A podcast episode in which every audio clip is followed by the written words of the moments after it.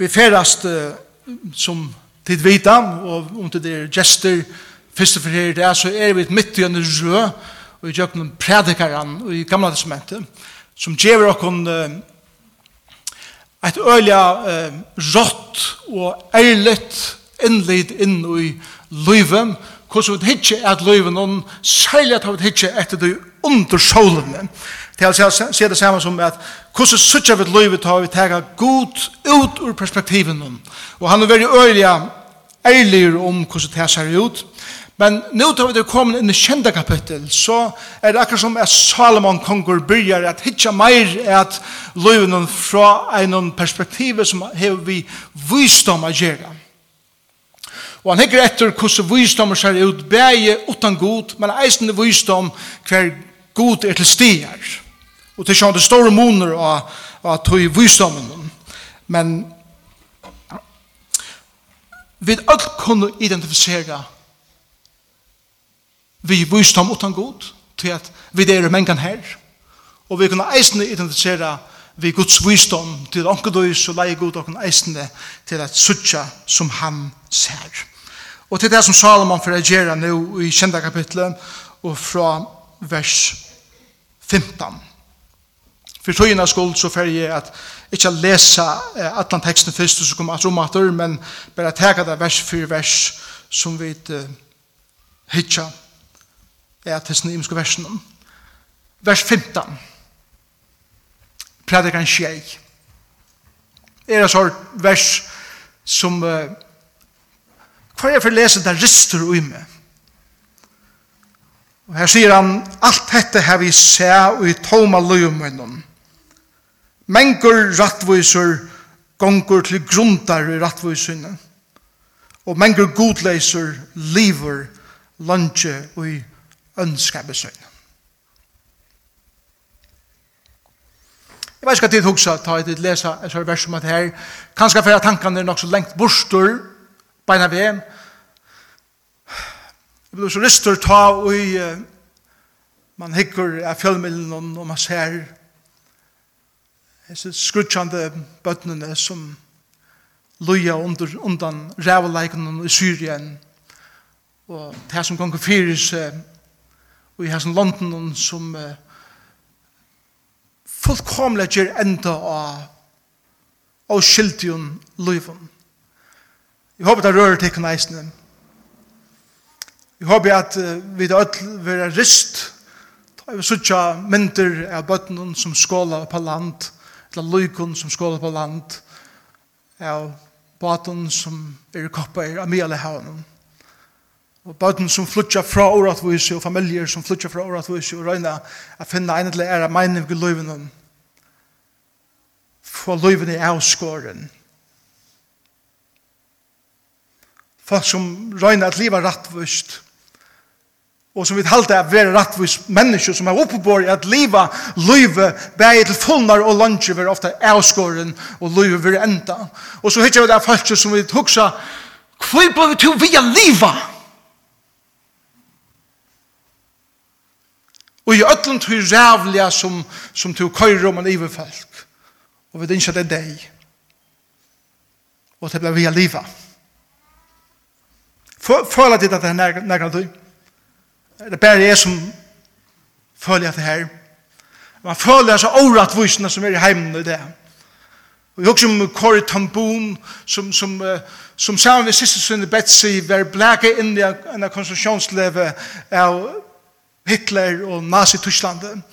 Den prakkfotla unga systeren som var en så god rådgjøve til Corey og som elskar Jesus nek, og som var så edgjande for Jesus sønne. Ivel lever ikke. Fengar levende. Og opplever ongan det å få en mann, opplever ongan det å få bøten, opplever ongan det at det er vikong til livet, men opplever og enda livet og rævleika. Og døyr som en veik, nyrpunt kvinna. Kvinna Det er et eller annet mer som sier, å, jeg er yngst for en kvinne som hæsa. At hun slapp at liva livet til fullnær, men livet er avskåret.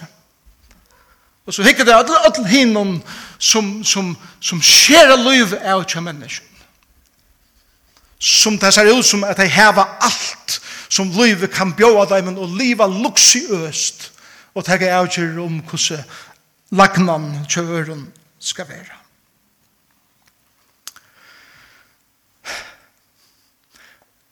Jeg råkker vi at det var hukset det samme omkring om omkring som tid kjenner. Eh, omkring mulig en familieliv er hva. Hvor livet du enn? Hvor bør du vi et? Jeg mener, så ho ærlig er predikaren. Og så ho ærlig har vi brug for å være vi først. Ikke spela så fitt. Men så vidt så ser ut en sånn dag i løvdene. En verlig kjensler inn i vi kvars er ut her. Hvordan blir det til at han den lesen blir vi at livet? Og hvordan blir det til at han den kære systeren, eller her som kære bror? For løy vi er avskårer bare så leis. Og året vises kjenslan føles eller djupt i løy. Hatt er det som Salomon sier, at vi har bruk for Guds visdom, at hitje inn i støver som hæsar. Og det som jeg elsker vi Guds visdom, og det som jeg elsker vi en ærligere Guds trygg, er hatt verset som jeg halde sier, at som ein ekta vår Guds øttande personer, hever det løyv at spyrja spurningar. Og tilverre er det så mange kommer til kjenner, selv om det ikke er sagt beinleis fra en talersalde, så, så føler folk når mange så er at hvis jeg er en sikkvande, så, har, så må jeg ikke spyrja for noen spurningar. Så må jeg ikke se det for djupa spurningar om en iva om god, eller hvordan god oppfører seg. Men samkomman, og Guds rydtje og forholdet mellom brøver og sysra eier at heva til grundarleie, og rume fire at spyrja tar trople spurningarnir. Og jeg vågne at luften kan være en slik samkomma kær til unge særlig. En av største grunnen for at ung vujtja fra trunni er at de slipper ikke at spyrja tar ærlige spurningarnir. Og jeg vågne til unge eh, føler om pura fru at spyrja spurningarnir som pyna deg inna salna her. Vi vet ikke alltid svære. Men Ja, det er så fantastisk det var kommet her til i løven, og kan man ikke røyner å finne et eller annet svær, og røyner å pakke det inn på en måte som det ser ordentlig godt ut, men her er faktisk ikke verlegene gjøre.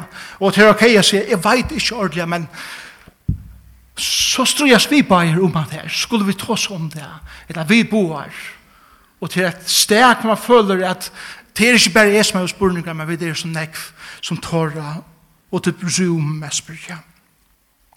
Så sier predikaren, jeg visste ikke hvordan jeg skulle tolka det verset, men så sier han vers 16, Vær ikke å rattvøser.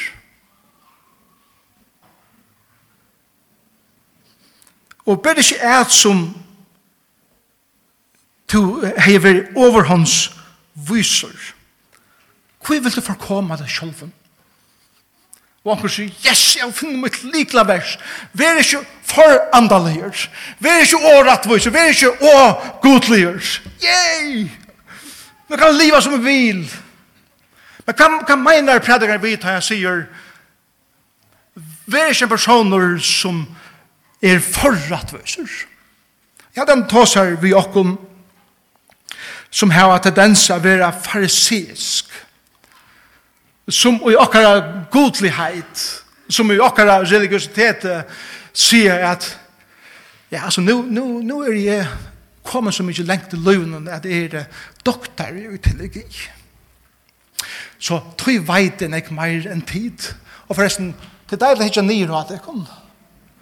Tann at du tytan kvar hver man lytter seg sjålen og pum ånder og sier, jeg veit meir, jeg er rettvisere, jeg veit betur enn to, og så videre. Og man byrjar at hitja nyer av andre mennesker, og man byrjar at lytte seg sjålen opp, som om at jeg er nærre gode enn to erst, og god er betur vi med, og han er åpenbæra meg for mer, at han er gjort for nøkron øren. Og to blir en dømande personer.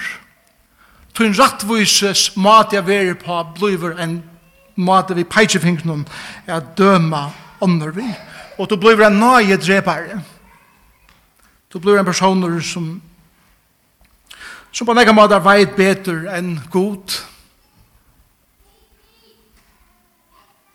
Og det ringast han.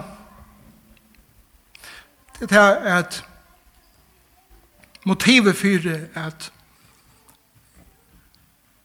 jeg er andalegjørs er tog at tess meira andalir gjere, tess meira skilda god mer. Og hvis jeg gjør hattar og hattar, så skal god syrja for jeg gjør hattar og hattar i min liv. Og Salomon sier, ikke gjør det her. Ikke lytta det sjåan på måneder, til det som du gjerst til det, til flyter god, til du har sagt det og sier det her. Og i hans sted. Ikke være og rettviser. Ikke være og andalegjør. Ikke hevja de på måneder som om at alle andre er syndere, men er ikke. Så sier Salomon, tror jeg at hvor vil du forkomme deg selv? Og det er det som du gjørst. Så kjøtt som du begynner at peika til øren, så peika trutje fingre inn hendet ved. Og hvis du ikke skilet her, så får det forkomme deg selv. Og det enda vi er at du misser Fyrst alt rundt om det, og du sender pura ensamhalder og misser det sjåla vekk. Men så sier han i kontrasten og i vers 16, men vær ikke å godleiser og vær ikke dare. Nå er det hin kontrasten. Nå er det som personen som sier eh, I'll do it my way. Så det er det som sier at, at Jeg skal liva som jeg vil.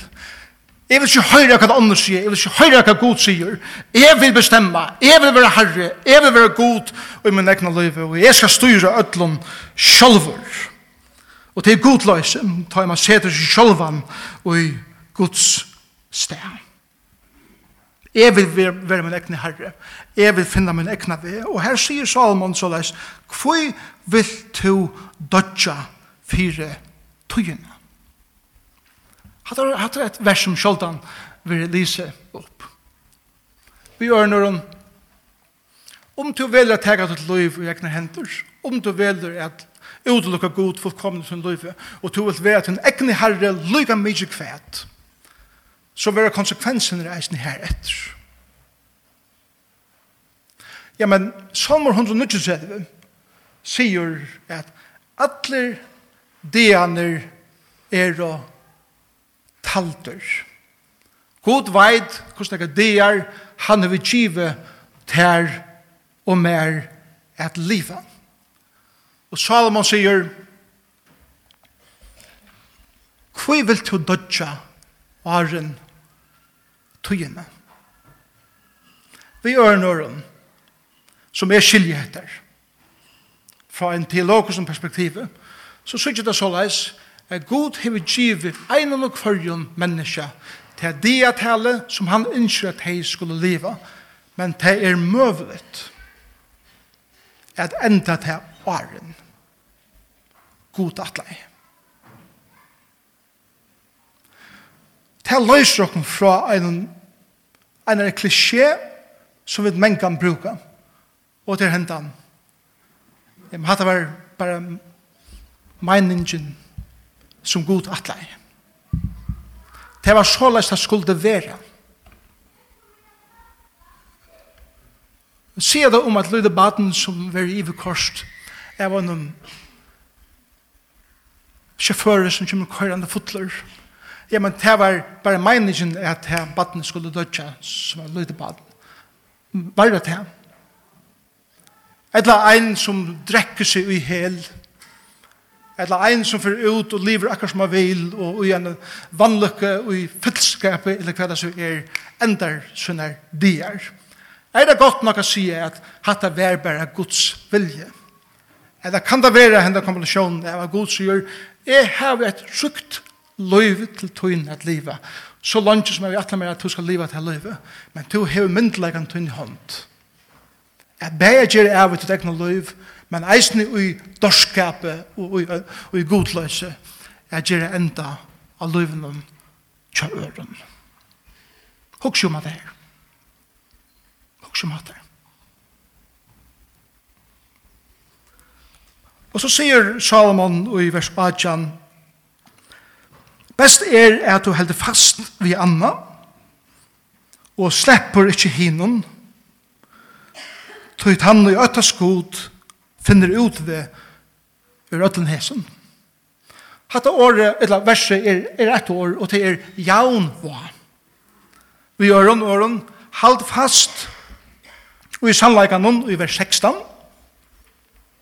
at jeg har tendens til at vera så rattviser at det peitjen nye ånder, har vi til tendens til det, jeg har sannleikan, Jeg kan halt fast og jeg som sannleggen gløyman ikke, du hever tendensen til å lytte til pommaner, men halt eisne og hine sannleggen om at vi at liv er godleist liv, være konsekvensen eisen tann at jeg kan enda mine dier, er en god atleie, at det skulle enda der.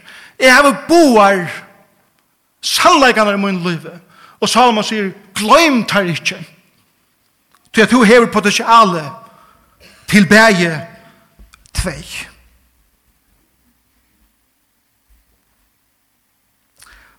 Og så sier han vers 19, Visdommeren gjer hinn vysa sterskare enn tutsje mektiger menn av stenen. Og det er mynd, en prakkfull mynd, halde jeg. Du hever seg veldig om kapparna runt om det. Som värjade på alla mövliga matar. Det största män. Og der standa stenen her som tog borst, og der verja det. Men sannleggen er tann at alt her heva sin veikleika. Alt her hava sin veike punkt. Og det kan være at her tutsi kappaner vera nirbarter av futjane som vil komme inn. Og då sier Salomon, Ikke løyde av ødel teg og alt det som du investerer i, er føler det trykkan. Men løyde av visdommen som Gud skal gjøre til er livet, løyde. Visdommen er meira verder enn tutsi kappar. Visdommen Guds er meira verder enn allt det som du kan spekulere på hvordan du skal leva et så godt liv som mulig, eller velja det fra du som kan reka ditt liv. Visdommer Guds og i balansen i av bavom, til at jeg kan leva godt, men eisende at jeg skal hente mer. Er det som vi trønger til. Og så sier han, Visdom Guds gjemmer, gjemmer først og fremst styrke. Legg meg til vers 20. Til ønske menneska og hjørne er så rattvøst at han gjør ikke utan godt og synder alt. Amen. Er det noen som kan si at han hentner opp og sier Jeg hadde ikke galt han til fyrir meg. Er det nægar inni her som, som, som uh, er så rattviser at du sérst ångan du nægar anna enn bæra godt.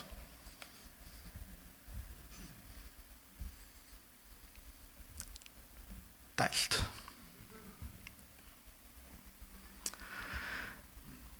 La meg sitere for deg Augustin. Han er veldig kyrkjefædren, færen, færen, Og til ljósnevsen her, vi öll er syndarar. Öll er syndarar og teimen fattast durgods. E og to, sier Salomon. Vi er öll mennesker som strujast vi synda trobeleikan og isna heim. Så ikke det, nu blir nu börjar han åpna lukna rattor og sier i forhold til hva god er og hva han krever av oss så er vi et omkant så god Jeg vet omgang gjerne jeg skreft, og vi er fullkomna rattvis. Det kommer ikke fire, og Augustin sier så leis, Einas av grunden fyrir jeg vil halda bøtten vera så gå, er tog at de har ikke fysisk styrkjena at vise hvordan velja ønd de er. Så sier han vi her, om batten i hei fysisk styrkjena, ta i det kommer ur mål og nøyfødt, så er det tidsi um kvarskranare mammene og forlanga mjölk her og nu.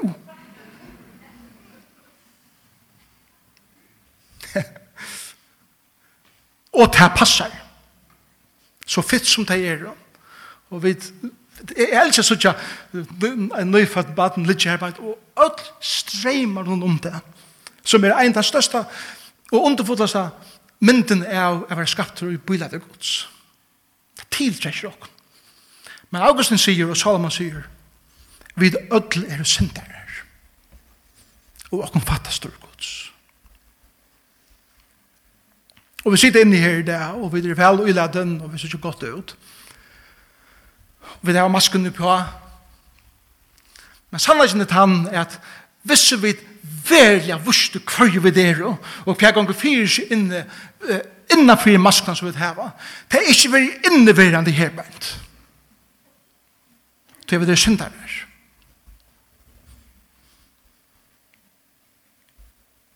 Jeg snakker fra erfaring. Og spørningen er, hva gjørs du så? Vi synd og syndere, som er utover pastor av, og i en fallen heime. Hvordan lærer vi det livet? Og jeg som ljøsen om, at vi er syndere, og vi er pastor av trobeleggene, Det er ikke bare ånder som er av trobleikene. Vi er pastor av trobleikene. Men hvordan lærer jeg at, så at balansere mer og liva og jaunva og i sin liv Velvitende at i livet stora parsa mun livet under solene utan god og er parsa mun livet hver jeg synes er god er verligur i min liv og han fyrir tjeva forskjellar eh, nu om hvordan det her ser ut, og gjør hun visom i nøy til. For det første, så, så er det her, vers 21. Legg heller ikke i alt det som folk sier, så så kan du komme at høyre tænare at hun banna til. Så, det første er, visdom, ta ut til verer være bannaver og kritiserer av øren. Det har vi bruk for visdom til, det er ikke Legg meg ikke til tænaren som bannar. Det er samme som at det er han som kjenner det best, som, som verre kjenner tøyna ring og søyer. Og til ånka det stått litt er å være kritiseret over. Er det noen som, som, som elskar å være kritiseret over her? Jeg vet at ølen jeg, eisen vi med selv, har gavene av kritiseret. Ja, men det er jo min andalega gave er kritisk kjegna, sier onker. Det er da det så vel.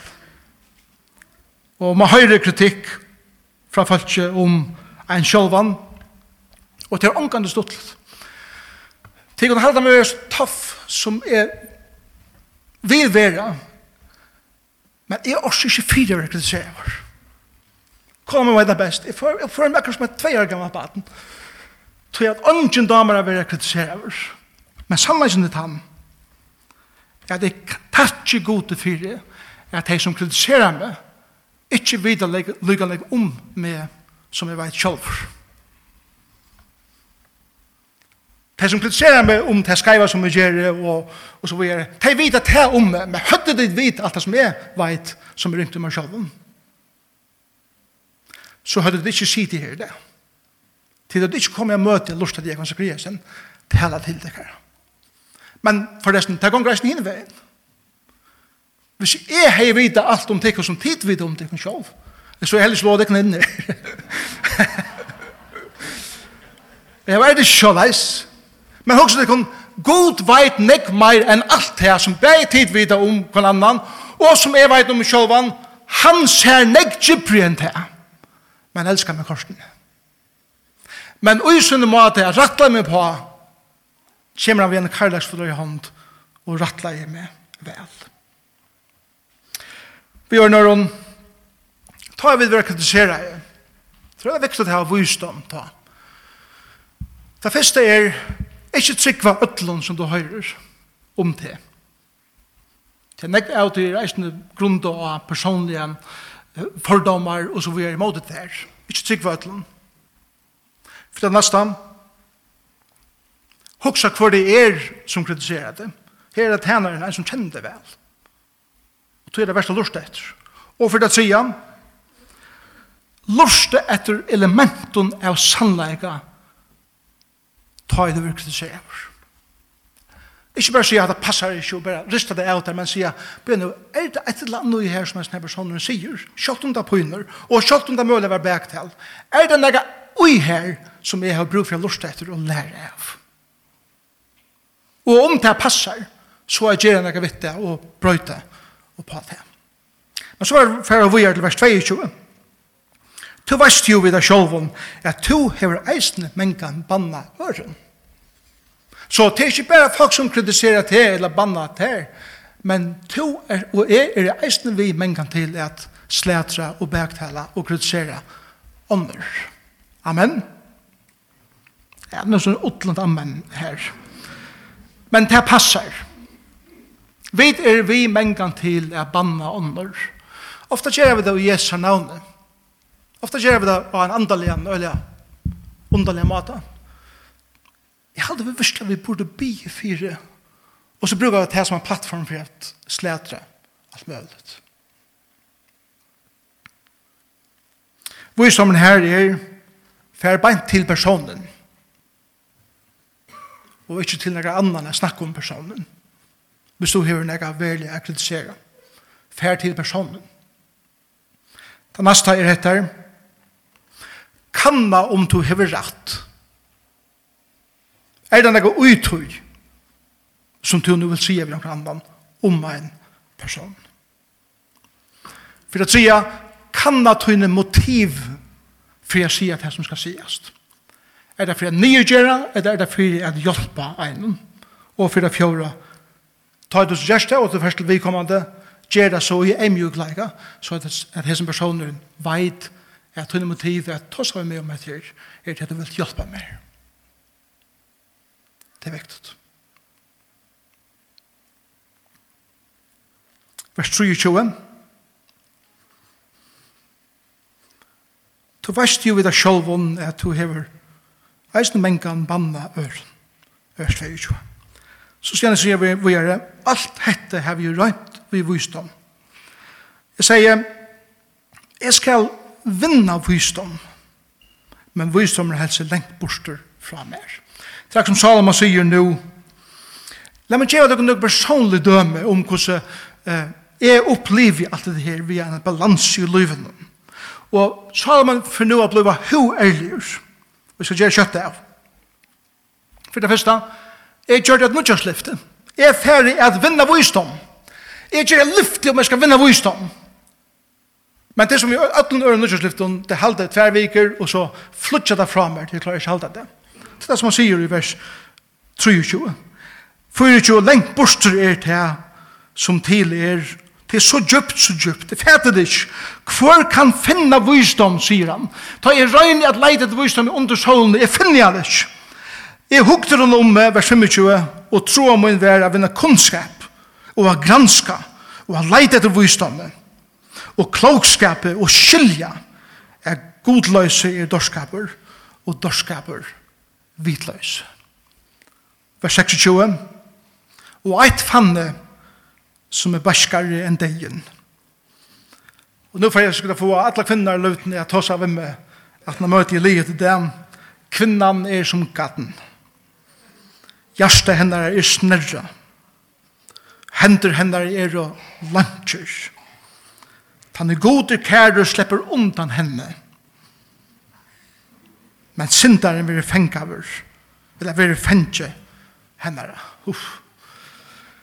Hvordan forklarer vi det hatt der?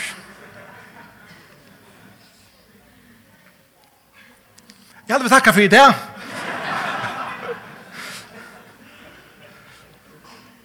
Nå lukker jeg lese hva jeg er.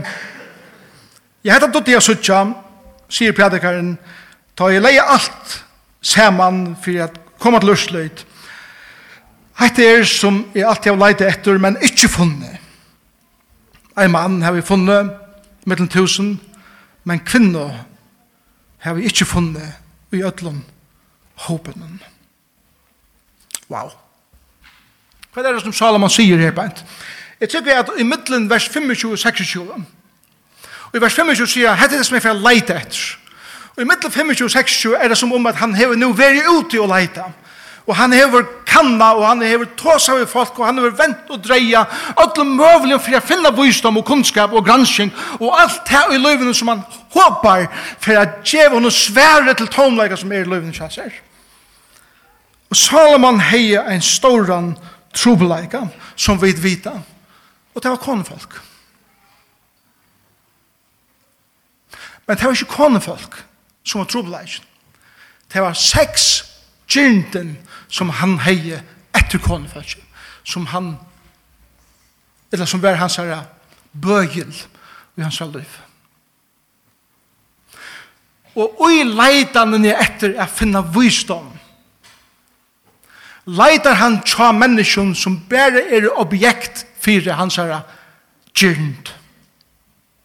Og at det ringt til åkken å skilja. Jeg hadde ikke at Salomon er endelig ute etter kvinnen i herbeint. Det kan ikke lyga vel hine veien. At menn kunne være snarrer uh, for kvinner som bare sørger menn som et objekt for mine seksuelle gjernd og livet. Det var høves trobeleisen til Salomon. Og det vet jeg vet. Det tar først jo om falskje og gjennom sex saturerer av samfunnet som okkar her at skilja at sex og otroskaper og pornografi og öll disse tingene som henda utanfyr tjonabandet djeva nøgtsem. Det gjer det ikkje. Otroskaper, pornografi, sex utanfyr tjonaband og öll disse tingene færa ongan du er djeva der han vysdom som du leiter etter hvis du leiter her. Det er for jeg føler som en snørre. Det er for jeg føler som at du er langt lantjavur ut under gjernt. Det er for jeg føler som om at at han var til en deilig opplevelse så fettet du nere et døytje som du føler det fullkomlige lasten. Det er det som Salman halde jeg vil si i sin vers nedbent. At utenfor tjonaband øyelegger gjernt jaunvagen som eier vera i karlægene mittel mann og kvinne. Det er det som jeg alltid at han sier i som versen er bænt. At ta i min leitan etter visdomme er at færa til folk som jeg skal bæra ut innan mina gyrnt ut på så finner jeg ikke visdom men jeg finner bænt til øvita og det gjør meg til fengen. Så Salmo var da kvinner. Så kvinner kan da være menn. Det gonger boa veier. Så sier han i vers 28. Og eit som vi alltid har leid etter, men ikkje funnet. Ein mann har vi funnet middelen tusen, men kvinno har vi onka funnet i ötlun hopen. Hva sier han her? Jeg har også øyne meg om at her i jøkken vikene. Heter nekka vi hans forhold til menn og hans forhold til kvinner og alt det. Jeg hadde det som han sier er øyne einfalt. Og i leitanene kommer etter å få et løyte som det er vita om visdom og det som, det, det som er røyne at fytla tomrum og vi kommer løyven. Jeg finner ångan jeg snakker vi om det som vel jeg kan møte meg her til. Det leide under solene. Ja, jeg finner ikke ångan gode samtale vi ångan mann om noen djup ting i løyven som har hjulpet meg løyt synder, men, men vel jeg så har det ikke hjulpet meg og ikkje ein kvinna ver her i mittlen.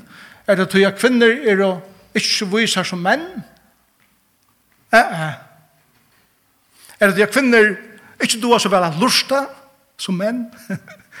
eh, eh. Men hva er det?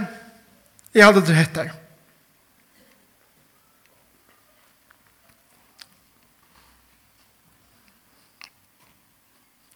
Tanken til Salomon om kvinner. Er så vanskjeblaver i hans sinne og hans hjärsta. Så mykje vanskjeblaver at han ikke en gang kunne hava en normala samtale vi en kvinne om djup ting til han så henne bare som et objekt at uppfylla sinne djupt. Hatt er høves trobeleisen vi pornografi nummer. Høvestroblet vi pornografi er til at du teker et menneske som er skapt i mynd Guds og du truster til myndene og bruker til myndene som et objekt er fytla mynda og tøyna gyrt. Du vannviri skapar han vi har brukat menneska bare til at oppfylla tøyna gyrt og du vannviri til menneska. Og du kommer ångande en dronker som er og en mæver som er avhengig av pornografi kommer ångande i omgantøy at her var et normalt forhold vi henne kvinne i sin liv. Og stakkars kona som kan skiftast vi honom. Det er det som heldig Paulus sier, til at kvinnan er blivet et objekt som skal være nekka fyrir han, og til det gjerst en skapning gods til et objekt, ver det at hun snirra. Så trobladjen er ikke kvinnan, Men kvinnan og i Salomon som løyve bleiv det som bleiv hans snørra til han hei et fullkomne skreft perspektiv om hver kvinnan er.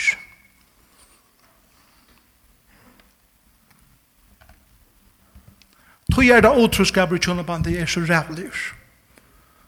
Og tog er det at Alt som gongur fyrir seg utanfor tjunaband og mellom mann og kvinna, alt som gongur fyrir seg utanfor det, som hever vi til seksuella og til å gjøre, blir skite på en eller annen måte. Og jeg legger nekk mer enn vi hele tiden kunne fæta.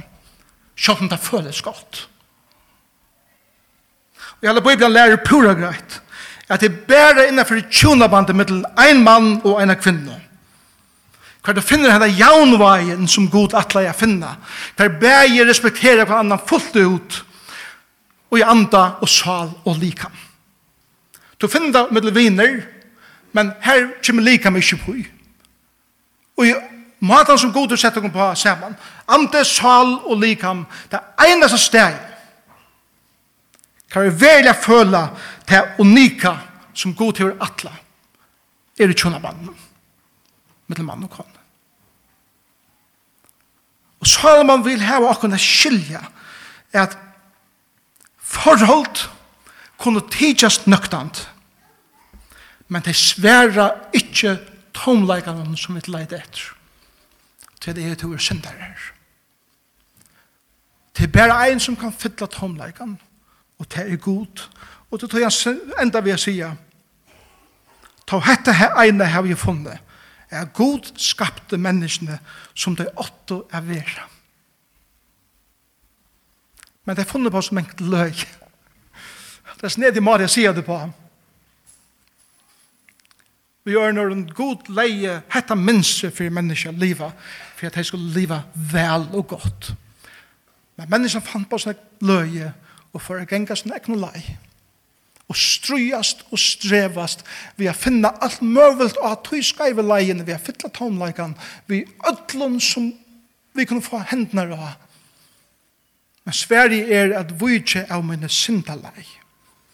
Og visdommeren som Salman vil gjøre oss, det er største visdommeren som vi kunne få i hesten konteksten er at kunne sia, er, er en synder. Sint hever øyelagt mot liv, og øyelegger mot liv. Så langt som er velja å gjenge hese leiene, tog velje er som en synder, at djeva mot liv iver til god, Og be jeg sånn hans herre Jesus Kristus komme og, og rensa meg og nødgjøn så at jeg kan byrje at genga Guds minster for min liv. Men jeg ble ved å være sintar, og jeg vil alltid noe ho at dreie. til tog vi det atter og atter bruk for at venda vi av akkurat sintarlei. Sjalt om vi er fire givne sintarer, så halda vi det ha sinta, og vi har bruk for å komme atter og atter til herran, jeg er mynda, og være ført inn av til leiene som han ønsker til og med jeg genka. Og det gjør du ikke, og det gjør jeg ikke i egnar styrke. Vi tar bruk for at god åpner himmelen, og kommer vi synnere kraft og styrke inn i okkara liv, og fyller okkara vi synnere styrke som han vil give okken i hele andan og ta i, og i til løte vi trygg av Jesus, får vi til goddomlige styrke inn i okkara liva, til livet som god innkjøkken liva. Og tess meira vi, og tess oftare vi, koma til herran og sier god, jeg bruk for tina hjelp og i det at leva mitt liv. Så kjeva heilig anden, viser hans styrkjo og viser okkom hvordan vi kunne leva. Og ta vi trakka vi syne ja, så viser okkom hvordan vi kunne fære inn og ratta lei atur. Ikke fyrir gjer okkom bedre enn andre, Det er så fett av det i, i, i, syndene av vers 16. Men av asanna at visdommer krevs til at liva, liva her, som er syndare, og i middel er syndare, og peika av han, som vil gjeva til liv. Måtte være så jeg vil tega visdommer til Salomon i det, og innsutja, at visdommen har et navn. Og han er det Jesus Kristus. Og måtte være så jeg sier at om du er til det, og du ikke vil utgivet ditt lov til Jesus. At du sier, Jesus, det er ikke ting som jeg kan identifisere vi ut det som er sagt til det. Og jeg har prøvd å leite, og jeg føler meg fullkomlig av tålmann. Men han er svær til tøyen tålleika. Om at jeg har en givet av kyrkje, at liva.